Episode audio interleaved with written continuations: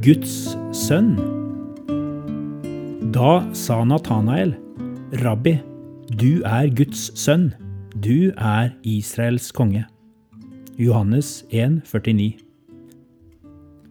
Vi har begynt en oppdagelsesferd for å finne ulike navn og betegnelser på Jesus i Bibelen, hver og en med symbolkraft. Da er akkurat dette kapitlet det rene eldorado.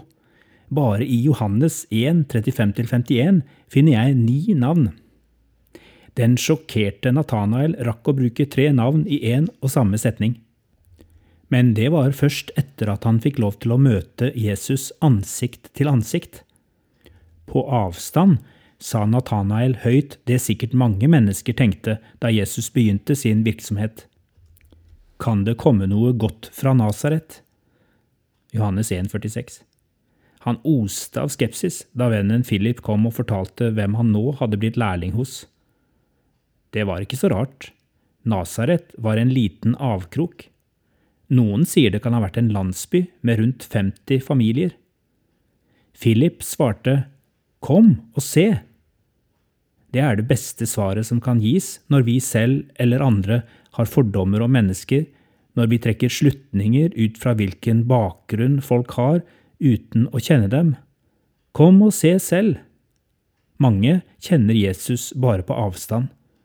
Kanskje kjenner de en del av dem som kaller seg for hans venner og familie. De er ikke imponert over deres oppførsel. Da gjelder rådet om å sette seg inn i hva Jesus selv sa og gjorde. Snakke med ham. Se hva som skjer. Med Nathanael skjer en av tidenes raskeste snuoperasjoner.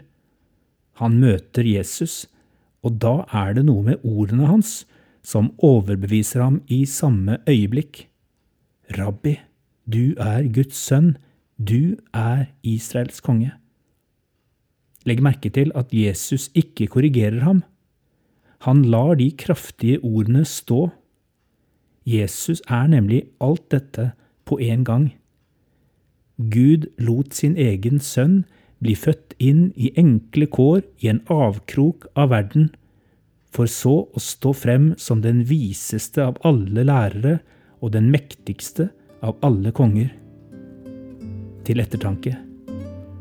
Hva kan skje hvis jeg slipper Jesus tettere innpå meg?